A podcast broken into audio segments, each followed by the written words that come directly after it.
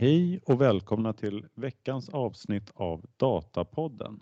Mitt namn är Gustav Rengby Och jag heter Konstantin Ekström. och idag har vi Jesper Grip här. Ja, hej! Jesper heter jag. Eh, jobbar på Snowflake, har varit här i ett par år och eh, innan det så har jag lång bakgrund inom att bygga distribuerade system. Välkommen hit Jesper. Vad kul att du tog dig tid och, och kika in i Datapodden. Kul att få vara här. Jag tror att vi har en massa lyssnare här också som är glada och en, gillar att du vill bidra här till en ökad omvärldsbevakning får man väl säga. Eh, vi kör väl igång på en gång va? Ja, jag tror bollen har landat på mig idag. Ja, Konstantin börjar. Mm. Ehm, och det är ju samband då med Snowflake som hos hade sin ehm, summit här precis i Las Vegas. Och då meddelade de här att eh, deras partnerskaps eller samarbete tillsammans med Microsoft kommer att utökas. Primärt för att förenkla data och AI-projekt för gemensamma kunder. Eh, Och dessutom så siktar man på att arbeta närmre varandra när det kommer till att hitta nya kunder. Står det här i artikeln att it's expected partnership with Microsoft will significantly elevate joint go-to-market programs. Så att det är både eh, sälj och produkt som det handlar om här. Och som en del i det utökade samarbetet eh, arbetar Snowflake och Microsoft på en integration som kommer göra det mycket enklare att använda Azure Open AI Service med den data som man redan har i Snowflake. Till exempel så kan företag som använder Snowflake för att lagra försäljningsloggar dra nytta av en språkmodell från Azure Open AI Service för att automatiskt ta reda på vilka av deras produkter som kunderna är mest nöjda med. Microsoft har nyligen uppdaterat Azure Open AI Service med en ny verktygslåda som heter Azure AI Studio som gör det möjligt för företag att träna OpenAI-modeller med sina egna dataset. Och Snowflake gör också enklare att använda sin plattform med andra Azure-tjänster, eh, bland annat då en som kallas Azure ML. Som en uppsättning verktyg som företag kan använda för att bygga anpassade neurala nätverk och underlättar uppgifter för att skapa träningsdata, mata in data i AI-modeller och övervaka neurala nätverk efter implementation. Ehm, men det utökade samarbetet det sträcker sig också bortom Microsofts AI-tjänster. Eh, Snowflake planerar att lansera ny eller förbättra integrationer med flera andra komponenter i, i molnportföljen. Eh, de två första produkterna på listan här eh, var Power Automate och Power Apps, två low-code, no-code-verktyg. Den första är att man kan då skapa enkla programflöden och automatisera specifika uppgifter. Eh, och Power Apps som har liknande fokus men det möjliggör skapandet av hela applikationer då istället för speciella dataflöden. Andra fokusområden för samarbetet är Azure Data Factory, Power BI och Purview. Vi får inga riktigt några fler tekniska detaljer exakt vad det innebär här, men vi, jag tänker vi bör kunna förvänta oss att tjänsterna ska helt enkelt bara lira bättre tillsammans. Ja, det är ju spännande det här Mm. får man väl säga. Ja, man undrar ju lite hur det kommer påverka eh, Snowflake-kunder och, och i vilken takt det går här. Det blir ju spännande att se vilka som blir nästa eh, grej då på vägen. Vi, Mm. hade, vi pratade om den här uh, Power-plattformen. Mm. Den hade vi ju uppe för kanske någon vecka sedan att Ja, vi pratade om precis. för då, den släpptes ju redan innan det här kom ut. Va? Mm. Det är jättekul. Mm. Hörde precis en av våra konsulter berättade att de har redan lyckats utnyttja den där vägen va? för att få en notifiering i Teams. eh, När, eh, Ja, det var mer önsketänkande. ja, det var en, en Den hade inte riktigt kommit än. Den kanske är Men på väg då? Den är på, ja, den är på god väg, men ännu var den inte riktigt där. ja, okej. Men eh, kommer meddela så snart det går. för Vi kommer vara Mm. snabba på bollen. Ja. ja, det blir spännande. Mm. Ja, det är ju intressant den här storyn för eh, det är ju så att det här kommer i samband med att Snowflake förnyar sitt kontrakt med Microsoft som vi skrev ett kontrakt för två år sedan och det håller på att gå ut nu. Och eh, det Snowflake gör egentligen är att fördubbla sitt commitment mot Microsoft. Vi växer ju så det knakar och vi ser ju också att i samband med det så verkar det ju verkligen vara vettigt att ge extra bra stöd till alla de här tjänsterna som Microsofts kunder faktiskt frågar om egentligen från i princip dag ett. Och vi har ju de kanske lite mer traditionella tjänsterna, Data Factory, Purview och så vidare. Men så har vi ju även såklart bättre integration med OpenAI-delarna här då. Ja, det är ju, det är ju superbra. Det gillar ju vi att höra som både jobbar med Microsoft och med Snowflake. Mm. Så det här är väl väldigt välkommet för oss. Mm. Det, det, känns trevligt. Mm. Ska vi gå vidare? Ja. Då tar vi en, eh, en nyhet här från The Nature, nature.com eh, som kom ut, ah, nu tappade jag det var här i juni i alla fall. Eh, rubriken är Decades long bet on consciousness ends and its philosopher one neuroscientist zero. För 25 år sedan slog en filosof och en hjärnforskare vad om att forskare skulle idag veta hur medvetandet uppkommer i hjärnan. Och det här var alltså Christoph Koch som är hjärnforskaren. Han höll på att, eh, ja, höll på att forskarna skulle ha löst den här gåtan då till nu. Medan filosofen David Chalmers trodde att man inte skulle ha klarat det.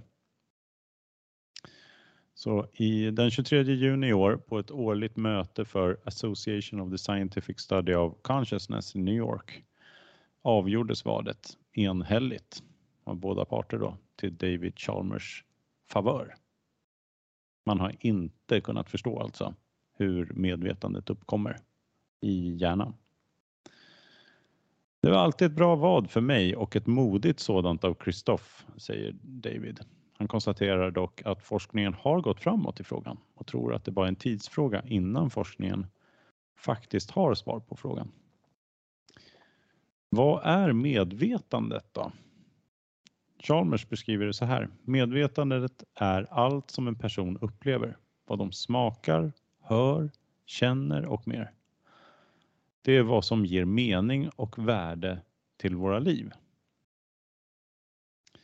Och eh, konstaterar här att eh, hur medvetandet uppkommer startade som ett filosofiskt mysterium men har successivt blivit mer av en vetenskaplig, ett e, vetenskapligt ämne då eh, som dock ännu inte är helt besvarad. Koch har ända sedan 80-talet forskat kring att förstå vilka bitar i hjärnan som är essentiella för medvetandet. När vadet gjordes då 98 var eh, Christoph Koch extra optimistisk då det nyligen gjorts en hel del framsteg då i frågan utifrån att man hade undersökt små förändringar i eh, blodflöden i samband med hjärnaktivitet från magnetröntgen av människors hjärnor. Som en sista avslutning av vadet testades två teorier rörande hur medvetandet fungerar i hjärnan av forskare inför årets möte. En teori som ponerar att medvetandet är funktioner långt bak i hjärnan och en annan som positionerar då aktiviteter långt eh, fram i hjärnan båda de här. Liksom, ingen vet riktigt vilken det är. Då. Eh, och eh, inför det här då så eh, testar man det här. Eh, båda alternativen kunde dock efter en del testningar då preliminärt avskrivas som att de inte är heltäckande och förklarar Eh, var, var medvetandet finns, om man säger så. Till viss del verkar båda modellerna fånga en del av medvetandet, men inte fullständigt. Det verkar väl kanske som någon, det behövs någon gemensam här då. Kristoff fick istället överlämna en låda vin till Chalmers som de från början då slog vad om. Eh, men är beredd att dubbla vadet säger han till 25 år till. Så då ska det vara, då är det två eh, lådor vin som man pratar om och 25 år till. Då borde det vara löst. Det är ju lite roligt att ta upp den här i dessa tider när eh, AI gör sådana enorma eh, framsteg. Mm. Och, eh, och, en av de frågorna då som, som man pratar om är ju just kommer liksom våran motor här få medvetande? Jag hade väl någon Google-anställd som eh, sa det om eh, Googles eh, modell. Han blev sparkad eller hur det var. Men ja, vi har inte ens riktigt förklarat hur det funkar i våra egna hjärnor ännu. Jag tror väl att det är mycket av just det som gör att det är lite klurigt för man vet inte exakt vad det är som uh, vad det är för någonting. Mm. Vi pratar om det lite mer suddiga termer. Även inom vetenskapen så har vi inte riktigt fastställt definitionerna på den här djupliggande nivån. Och om det är så att vi inte vet, hur ska vi då kunna vara helt säkra på att de här nya eh, neurala nätverken och de här nya modellerna inte är någonting som är ett medvetande eller närmar sig att vara ett medvetande. Skulle det kunna vara så att vi har skapat någonting utan att ens veta om det? Och även om vi inte har gjort det nu, det accelererar så pass snabbt så vi kanske oundvikligen eh, hamnar där. Mm. Det är mycket av de här, det är många som försöker hindra utvecklingen för att den går för snabbt. Mm. Det kan man ju diskutera om det är rätt att göra, men det, det ligger ju ändå någonting här att det finns en oro för att man eh, går in i någonting som man inte vet vad det är. Mycket på grund av att vi inte förstår allting fullt ut. Även om man lyssnar på Sam Altman till exempel när han beskriver OpenAIs eh, innanmäten så framgår det ju att även de som är mest insatta i hur allting funkar kan inte med 100% säkerhet förklara hur allting fungerar på, vad ska man säga, atomnivån. Mm. Så då kan man ju förstå att det är flera som kommer på de här tankarna. Mm. Ja, verkligen. Nej, det kanske inte säger så mycket. Man kommer varken längre fram eller kortare fram med, eh, givet det här liksom, eh, att vi inte förstår det på människor. Det kanske hade varit lite ändå betryggande att veta hur det fungerar i, män, eh, i en mänsklig hjärna eh, för att kunna i alla fall jämföra med modellerna nu som man tar fram får man väl säga. Mm. skulle väl vara en, eh, en ynnest att ha den mm. Eh, kunskapen i, i eh, bagaget. En sak att lägga till här tror jag. Att även vetenskapen förklarar medvetandet som att man kanske tänker på det som att det är liksom en lös hjärna som sitter i en container som tänker saker och det är medvetandet. Men det verkar ju vara som i kombination med eh, den kropp som vi lever i så att vi känner saker och smakar saker och luktar saker och så vidare.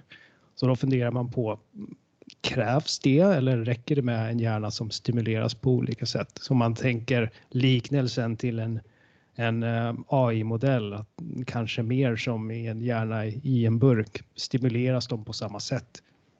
Svårt att säga egentligen. Ja, verkligen. Ja, det, här, det, blir ju nästan en eh, religiös fråga här också med medvetandet. Och, eh, för det är väl, kan man väl ganska liksom koppla till en själ också, får man väl säga. Den här essensen i, i, eh, i vår, vårt jag. Mm. Jag tänkte på när jag pluggade på högskolan och, och läste just artificiell intelligens så var förordet tror jag i, den här, i någon av de här AI-böckerna sa det att det var först, först så tittade man ju på hur mänskliga hjärnor fungerar när man började forska på AI. Och sen så, så gjorde man den här liknelsen med uh, att uh, det gjorde man också när man skulle försöka flyga, så tittar man på fåglar. Mm. Men så istället började man lära sig aerodynamik och byggde någonting helt annat som sen kunde flyga, mm. som inte såg ut som en fågel. Eller ja, den har ju vingar flygplanet, men kanske inte mycket mer än så. Det, det bygger på en annan, ett annat sätt då. Mm. Och att det var lite samma sak med, med AI, att man eh, bortsåg från vad Eh, mänsklig intelligens är och behövde se det som maskinintelligens. Men sen får man väl säga att det där har ju vänt lite grann sedan 90-talet när neuronen kom och att man började ändå på ett annat sätt faktiskt efterhärma eh, mänsklig intelligens på ett annat sätt. För innan dess så var det ju mycket de här eh, statistiska modellerna och eh, lite grann att man eh, representerar inlärning ur ett eh, digitalt perspektiv, de här algoritmerna som beslutsträd och, och de här. Ja, det är en, det är lite, tog det som en liten filosofisk eh, punkt här Eh, troligtvis så ligger ni ju i hängmattan där hemma så att eh, då kan man fundera på det här också. Men vi ska väl... Eh, har, har du Konstantin några fler kommentarer eller ska vi? Ja, men vi går vidare. Vi går vidare Ja. till eh, Det är den materiella världen. precis. Mm. För det är ju så, det är lite fokus här på Snow, eh, Snowflake då eftersom det här är ju också lite nyheter från eh, den här eh, summiten som var för någon vecka sedan i eh, 26 till 29 juni var det va? Stämmer Så bra. det är lite sådana nyheter som, som ni får höra här då. Och Jesper, du ska köra nästa nyhet här från eh, Snowflake. Ja, absolut. Eh, Konstantin nämnde ju det här eh, samarbetet med Microsoft som är en av många nyheter som har kommit ut på den här mässan. Det har varit nästan svårt även för oss att ha koll på allting nytt som har kommit för det är väldigt mycket nytt som har kommit. Men av de nya saker som har kommit så är det Eh, ett par områden som är lite extra stora och ett av dem knyter ihop säcken på, på ett sätt kan man säga. Så jag tänkte prata om det då. Och eh, den här artikeln som sammanfattar det här heter Snowpark Container Services securely deploy and run sophisticated generative AI and full stack apps in Snowflake. Det här är ju lite av en mouthful och istället för att gå in direkt på innehållet i den här artikeln så tror jag att det kan vara på sin plats att förklara titeln först innan vi går vidare. Som Snowpark Container Services är den eh, nyheten då. Och då är frågan, ja, vad, vad är Snowpark? Och vad är Container Services? Vad är det för någonting? Det kan vara bra att veta eh, innan vi går vidare då. Så att Snowflake byggdes ju från grunden för molnet som en cloud native eh, arkitektur kan man säga. Och det första use caset var ett data warehouse. Nu är det en dataplattform. Man kan lägga in all data och göra vad som helst med den oavsett om det är klassisk BI-analys eller prediktiv eh, analys för framtiden, eh, AI, ML, bygga applikationer, you name it. Men om första use caset var ett data warehouse så faller det sig naturligt att man kan skriva SQL för att interagera med plattformen. Och, eh, men vi märker det att även om SQL är det absolut största språket i den här världen så finns det ju väldigt många um, ingenjörer och data scientists och så vidare som uh, använder andra språk för att interagera med data oavsett om det är att göra BI-rapportering eller att bygga applikationer eller bygga AI-modeller och så vidare. Så att Snowpark är egentligen ett sätt att introducera att interagera med plattformen med fler språk på ett native sätt kan man säga. Där Python är väl kanske den mest populära för att det är det största språket eh, just nu inom eh, AI och ML. Och eh, för de som är bekanta med det så Spark är ju ett vanligt sätt att interagera med sådana här typer av system och Snowpark är väl lite av ett, ett lek på, på det kan man säga. Så Snowpark. Men man kan göra mer saker än, än bara det. Då. Men så Snowpark är egentligen ett sätt att eh, Eh, bredda sättet med olika sätt man kan interagera med, med plattformen. Då. Sen har vi då container services. Det här är någonting som kanske är extra nytt inom datavärlden. Eh, Docker populariserade det här för, ja det var ungefär tio år sedan nu, strax över tio år sedan. Och eh, container är egentligen ett sätt att paketera mjukvara på ett upprepbart sätt och eh, dela den på olika maskiner så att den ser ut på exakt samma sätt eh, överallt. Jag kommer ihåg när det här först kom så det som de flesta pratade om var att ja, men nu kommer vi inte längre ha problem med att upprepa utvecklingsmiljöer. Allas maskiner kan se likadana ut. Så man tänkte mer från sitt lilla perspektiv som en utvecklare att man ska sitta och inte ha lika mycket problem att spendera veckor att eh, spinna upp en miljö. Och det stämmer ju, men det, det man har sett är att det är mycket mer än så här. Att man kan egentligen bygga enkla komponenter som man kan deploya var som helst och man kan bygga på varandra. Så att det här är egentligen, om vi pratar Snowflake och Snowpark och, och container så är det egentligen ett sätt att köra vilken mjukvara som helst på ett enkelt sätt in i Snowflake i en säker och eh, governed miljö kan man säga. Så det är en kort utläggning på liksom vad container är för någonting. Och sen kan vi ju prata mer om, orkestrering och Kubernetes och sånt där. Men Snowflake bygger på att det ska vara enkelt att använda så vi försöker att abstrahera bort för mycket av eh, detaljerna här kan man säga så att det ska bli så smidigt som möjligt att använda. Sista saken innan vi går in på eh, själva artikeln är ju eh, sofistikerad generativ AI och bygga sådana här saker. Och den här Snowflake Summit inleddes ju med att vår vd Frank Slutman och Nvidias vd Jensen Huang uh, hade en liten diskussion om generativ AI och uh, large language models, om hur man bygger sådana här typer av saker. Och annonserar ju då egentligen ett partnerskap om att man på Snowflake kommer att kunna bygga sådana här saker på uh, Nvidias plattform rakt inne i, på ens egen data. Då. Så att det här är ett sätt som att man kan göra allting tillsammans kan man säga. Så med det sagt så kan vi gå in lite grann på, på artikeln. Då. Så att den beskriver ju då den här nya, eh, den här nya featuren i Snowflake och hur man kan använda den. Så bakgrunden är ju då att container har ju varit väldigt stort inom utvecklingsvärlden väldigt länge. Men trots att de kommer med löftet om att det ska vara enklare att jobba med upprepningsbara miljöer och att skapa komponenter som man kan deploya så är det faktiskt fortfarande inte helt lätt och eh, det kommer med komplexitet att bygga och utveckla och köra de här sakerna och deploya dem på, eh, på skala och att man behöver spendera rätt mycket tid på att hantera själva infrastrukturen istället för att jobba med det som faktiskt skapar värde. Och i synnerhet också med att det är så populärt nu med sådana här large language models som ChatGPT och alternativ så blir ju det här partnerskapet med Nvidia också väldigt viktigt för att det blir ett väldigt enkelt sätt att kunna bygga sådana här saker på ens egen data. Det man ser är ju att eh, data är lite nya världens olja kan man säga. Så att det pratas mycket om att det är inte den bästa modellen som kommer vinna utan det är den modell som tränas på bäst privatdatan som kommer att vinna. Så att det är många bolag som skyndar till att försöka göra det bästa de kan med just sin data för att få ut så mycket värde som möjligt. Då.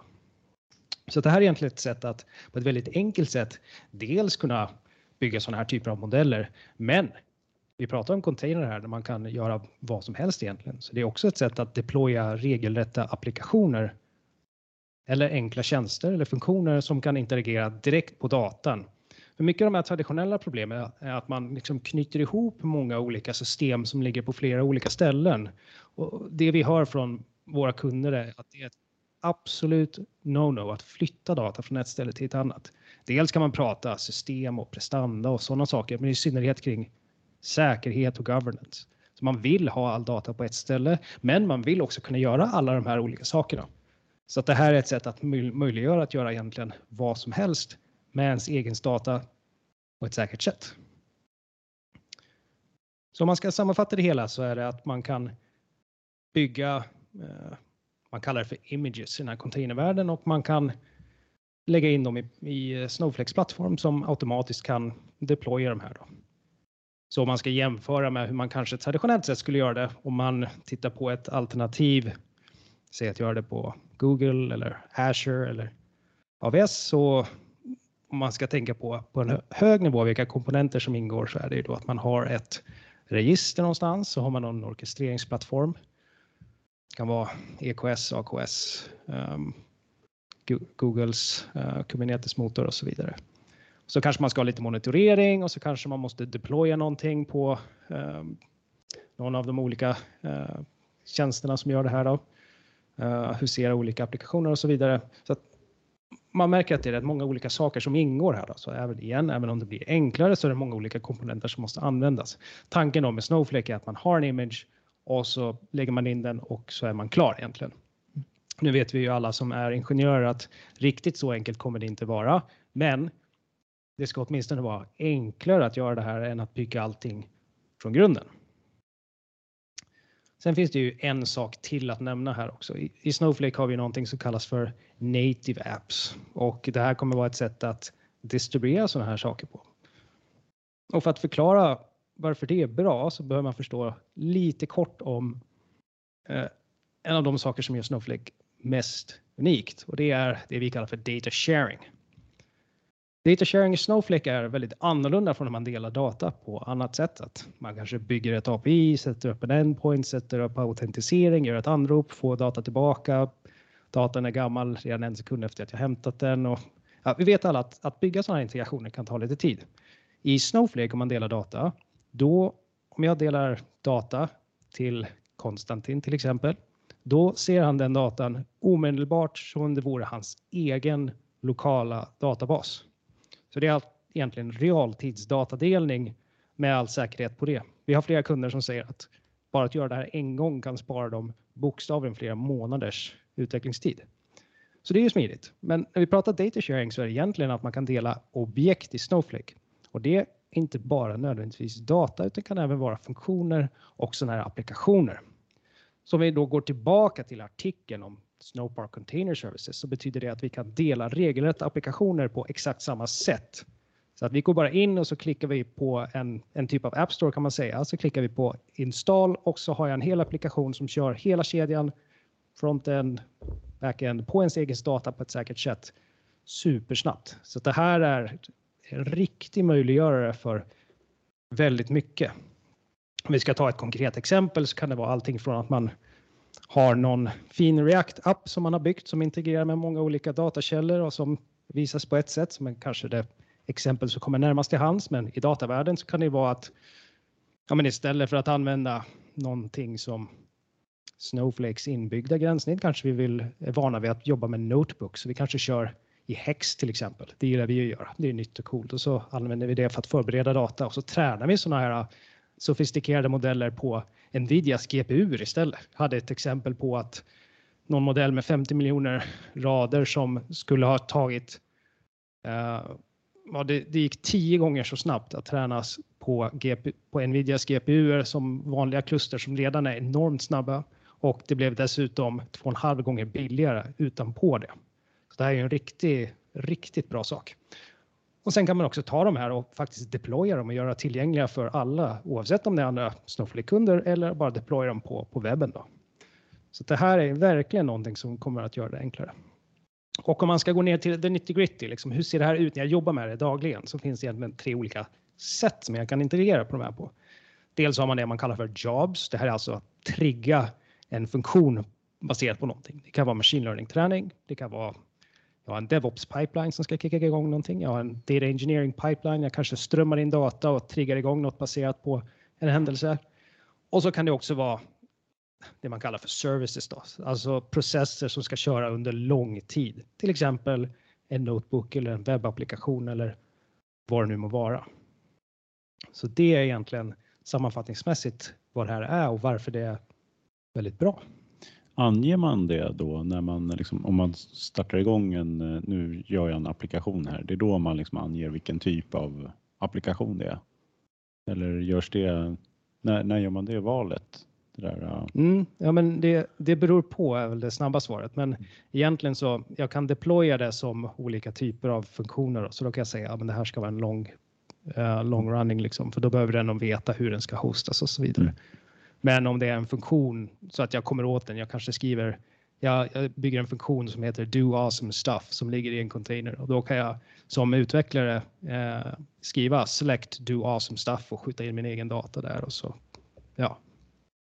Eller komma åt den från ett eh, tredjepartsgränssnitt som Power BI till exempel och ja. göra avancerade saker där.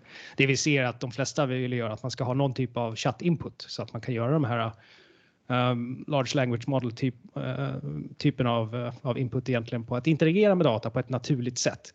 Så att mycket av temat på den här summiten och även annat runt om i branschen är att man kommer att interagera med data mer på ett sätt som man pratar i sitt vardagliga liv istället för att skriva SQL och Python och så vidare.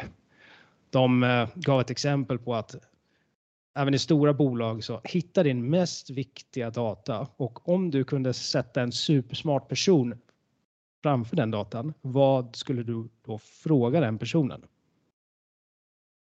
Och så kommer man kunna interagera med data i framtiden med de här typerna av verktyg. Då. Ja, det, vi hade faktiskt en annan demo uh, uh, live strax efter det här som heter Document AI. Vi gjorde en acquisition förra året på ett bolag som heter Applica. Det är egentligen att man laddar in upp ostrukturerad data, typ pdf och så kan man göra exakt det här. Man ställer frågor om vad för typ av data de här ostrukturerade datan eh, innehåller och så får man svar tillbaka. Mm. Ja, det är ju spännande. Du, nämnde några sådana här, eh, för det är liksom tidiga då som finns tillgängliga som man kan använda i den här applikations eh, liksom molnet då. Eh, Hex är ju, det är väl en eh, ganska nära partner ändå till Snowflake. Absolut. Och som har liksom en, en sån här notebooks lösning för att göra avancerad analys och data scientist eh, mm. använder. Ja, men tidigare har det varit så att du behöver liksom deploya den på sidan och så pratar den med Snowflake med en connection. Nu kommer det vara så att om du tittar på URLen så kommer det stå snowflakecomputing.com och så bara ligger den inne i ditt gränssnitt för att du har valt att installera den på din plattform. Mm. Så det tar ju bort väldigt mycket av det. Det är lite som appar på telefonen ungefär. Kan man säga. Exakt så mm. faktiskt. Så att uh, vi kallar det för data marketplace, men det blir ju egentligen nu marketplace, data eller appar eller funktioner eller all, mm. allting egentligen. Men hade de, eh, var det så att man installerar i sin egen molnmiljö förut eller har de, är det en mjukvarutjänst som de har haft eh, tidigare? Körde man liksom på deras eh, SAS-tjänst tidigare? De har nog haft alla möjligheter där, att allting från container och snurra upp dem till att köra på deras egna versioner och, ja. och så vidare. Ja, okej. Okay. Ja, eh, hur funkar det här för, från Nvidia så mm. har det mm. blivit ett samarbete. Mm, ja. Det är både liksom kring eh, applikationsmässigt men också att man kan köra deras egentligen GPU eh, ja. kalkylering också. Ja, är två delar. Ja, men, så det här är ju anledningen till att jag nämnde i början att det här knyter ihop säcken lite grann. Att det, man, det blir liksom dels som en hel pipeline på att man bygger riktig funktionalitet. Men om vi tar samarbetet med Nvidia till exempel så kommer det vara så att säg att jag vill bygga en sån här modell. Jag vill köra GPU-träning med Nvidias grejer och jag vill få att det ska gå så här pass snabbt och effektivt och jag vill hålla på med de här nya häftiga sakerna.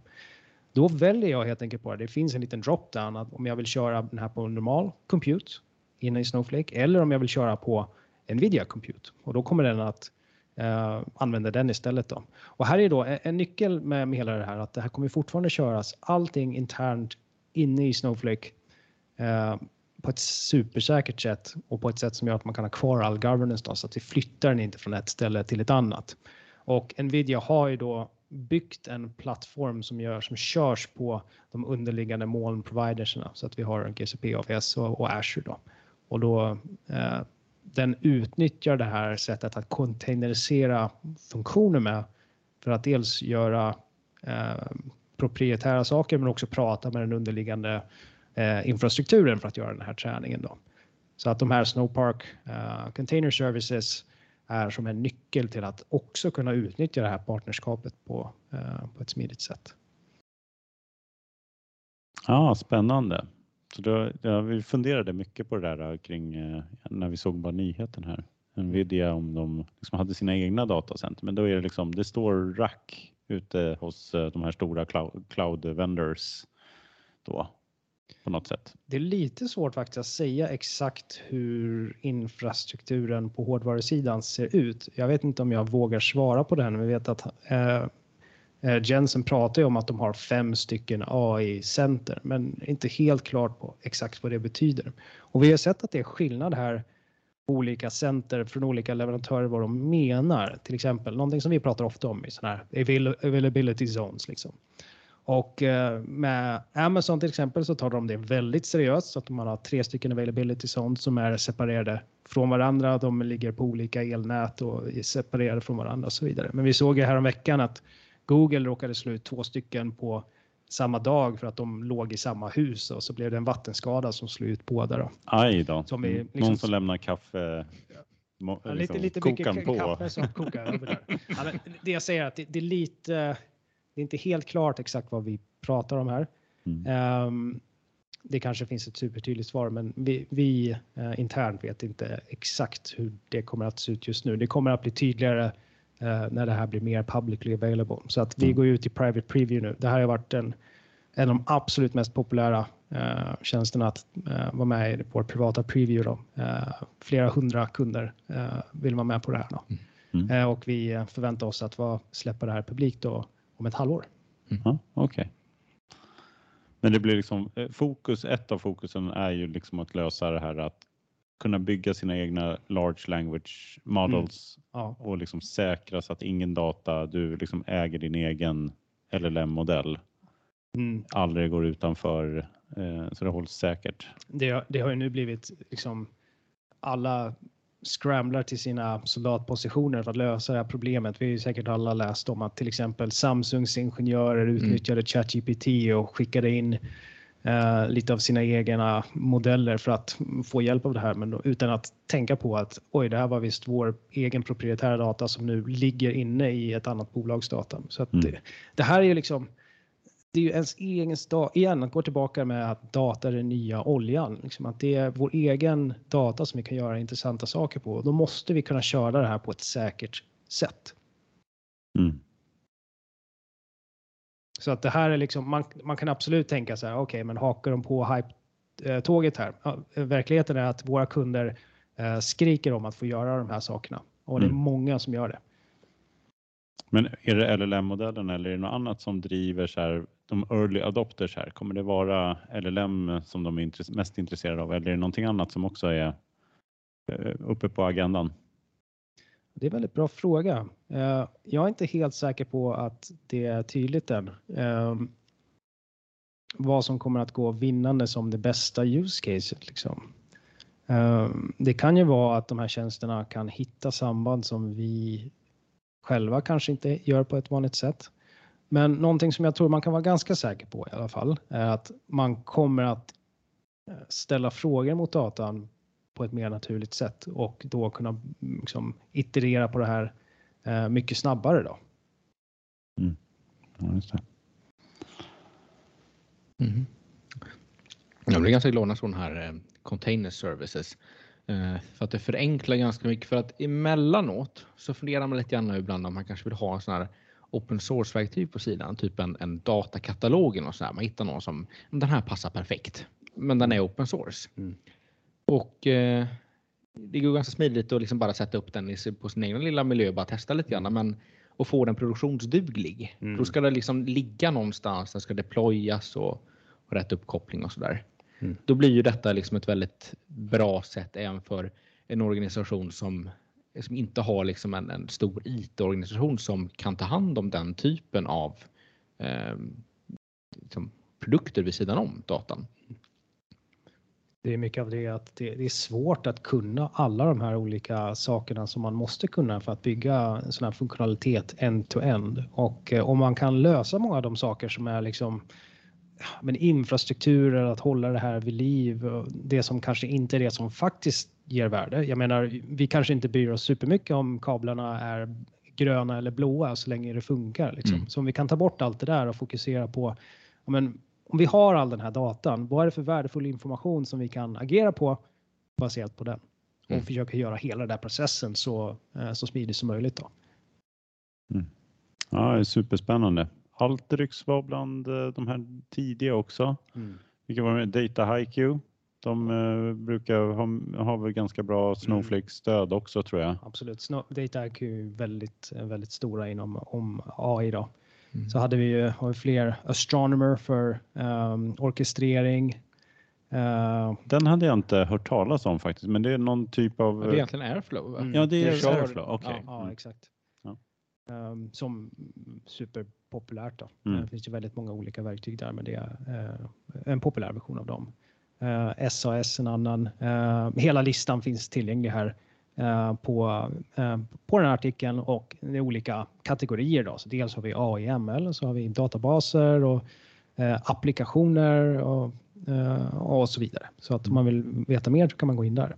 Men det som är intressant är att det är så här många som har släppts redan. Så att det är väldigt smidigt att bygga saker. Och det är ju lite av det här med som container möjliggör. Att det är liksom, så länge jag vet att jag kan bygga de här olika komponenterna och få och husera dem på, ett, eh, på en plattform som kan hantera dem så går det snabbt att bygga saker. Så att det jag säger är att vi kommer förvänta oss att se väldigt mycket sån här typ av funktionalitet väldigt snart. Ja, SAS är ju, tycker jag är spännande att se på listan också. Mm. Då är det väl liksom för deras avancerade analysapplikationer misstänker jag. Ja. eh, Som eh, har Det känns inte som, man hör ju lite om så här SAS-lösningar Mm från typ eh, finans, men att det är väldigt, eh, det känns, det känns inte som de har eh, ja, tagit fler kunder. Det här kanske blir en spännande väg och, för dem också att gå och, och hitta nya kundgrupper då också. Mm. Man ser ju att det är ett väldigt en... normalt sett i, i, i stora bolag som man ska ta in nya verktyg oavsett om det är en hel dataplattform som Snowflake eller om det är vad som helst egentligen så går man ju igenom en lång process som att det kan vara allting från legal och security och att negotiations, att komma överens om pris och se hur det ska användas i vår miljö och på vilket sätt och så vidare. Men man kan egentligen komma runt allt det där för att i, i Snowflake om det ligger på App Store då klickar jag bara på använd och så kan jag liksom börja använda den här tjänsten. Så det är ett ganska snabb väg in för många av de här verktygen att bara börja användas. Vi har byggt in en funktion så att man liksom eh, vissa av de här tjänsterna tar ju betalt och då kommer de att helt enkelt kunna köras på en Snowflake-kontrakt och bara ta dollar därifrån helt enkelt. Så att det blir liksom väldigt strömlinjeformat på ett sätt att kunna använda nya funktioner. Ja. Och så Weight and Biases heter ett sådant här bolag som sysslar med eh, analys också. Mm. Det vet jag att jag såg på Data Innovation Summit också. Eh, så det är ju ja, Mm. rolig, rolig uppsättning. Men det måste vara ett väldigt enkelt sätt att bara kunna testa en produkt. Man behöver inte göra en eh, långa haranger. Nu måste vi göra en liksom integration för att göra ett antal tester med olika produkter. Utan Verkligen. ladda ner, testa lite grann, klicka runt Mm. eh, och ja, släng den om du inte är nöjd. Ja, och det är så det ska vara. Det ska inte vara klurigt att testa nya saker. Vi vill bara veta, passar det här oss? Jättebra, då betalar vi gärna för det. Eller så Mm. passar det oss inte. Om då går det snabbt att testa det så kan vi gå vidare. Så det är liksom konsumtions... Eh, ja, man betalar per konsumtion även i de här applikationerna Ja, eller behöver ja, man... Det finns ingenstans att man behöver någon månadskostnad eh, eller något sånt där. Ehm, Jag vet inte om det är helt klart än exakt hur alla betalningssätt kommer att gå till. Jag kan tänka mig att det kommer finnas alternativ där att konsumtion kommer gå naturligt eftersom Snowflake är konsumtionsbaserat precis som ens elanvändning i ens hus. Mm. Ehm, Men att det kanske finns något så kvartalsmässigt eller vad det nu må vara. Ehm, Jag vet inte om, vi, eh, om det ens är klart än. ehm, Alla detaljer, så det, det jobbar man nog på. eh, Ja, just det. Det Mm. blir- Nej, det, blir, det brukar nästan vara, det finns någon så gräns där när det är, mer ligger i att du har liksom något verktyg som du jobbar i utan att du driver egentligen så mycket konsumtion, eller liksom kalkylering så brukar det nästan vara vanligare att det är någon slags månadskostnad Ja. på mycket produkter och sådär. Mm. Mm. Men det blir ju spännande att se då. Men om det är konsumtion så är det, lite, det blir lite intressant om man tittar på produktvärden. Mm. Hur det kanske skulle kunna förändras. Jag, menar, eh, jag vill ha SAS. Ja. Du vill ha MATLAB eller nej, inte något annat. Man behöver inte ta något, något beslut på företaget vad man ska köpa in utan man tar det man vill ha och sen så betalar, använder du inte någonting en månad, men då kostar det inget. Ja. Eh, så man, man kan ta bort hela den där liksom, inköpsprocessen bara så länge man har sin dataplattform. Mm. Det är väldigt smidigt också när ekonomin har gått ner lite grann så är det ju mer tacksamt som bolag av de här olika tjänsterna. Om man bara kan använda tjänsten mindre så betalar man mindre. Eh, jämfört då med att ha köpt en licens eller per användare så där så man är fast vid att betala exakt samma belopp oavsett om det går bra eller mindre bra. Då.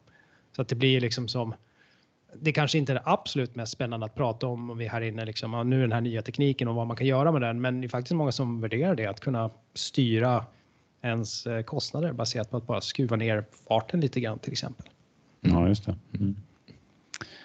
Ja, det är väl superbra. Vi, bra genomgång. Jag tror det finns nog lite nyheter kvar. Så det kommer nog här under sommaren lite till här. Eh, från, eh, vi har inte hunnit gå igenom allting från, från den här summiten, men det kommer bli lite mer. Så Jesper, du kommer väl in här under resten av eh, semestern här också och ställer upp nu för lyssnarna här. Jag räknar med det varje Ja. vecka, nya, nya nyheter. Ja, är så välkommen. Så. Oavsett om det är strålande sol Ja.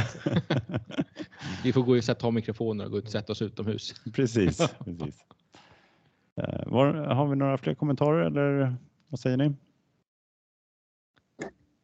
Tror vi har gjort det Ja, ganska bra ja, ja. faktiskt. Väldigt bra. Då, eh, vi, eh, ja, vi lyfter ju det här med Microsoft för vi tycker det är väldigt roligt Mm. eh, personligen får man väl säga. Och så fick vi lite medvetande som en liten, eh, för att ha lite annat också i avsnittet. Och så det här stora nyheten då, containerhanteringen. Den blir spännande. Öppnar upp en helt ny värld. Eh, marknadsplats Mm. i Snowflake då. Men eh, vi avslutar där och tackar för att ni har lyssnat idag också. Och tack Jesper för att du kom förbi och var med. Tack så mycket. Hej då! Hej då! Hej då! Vakna klockan fem, det är mörkt nu igen Som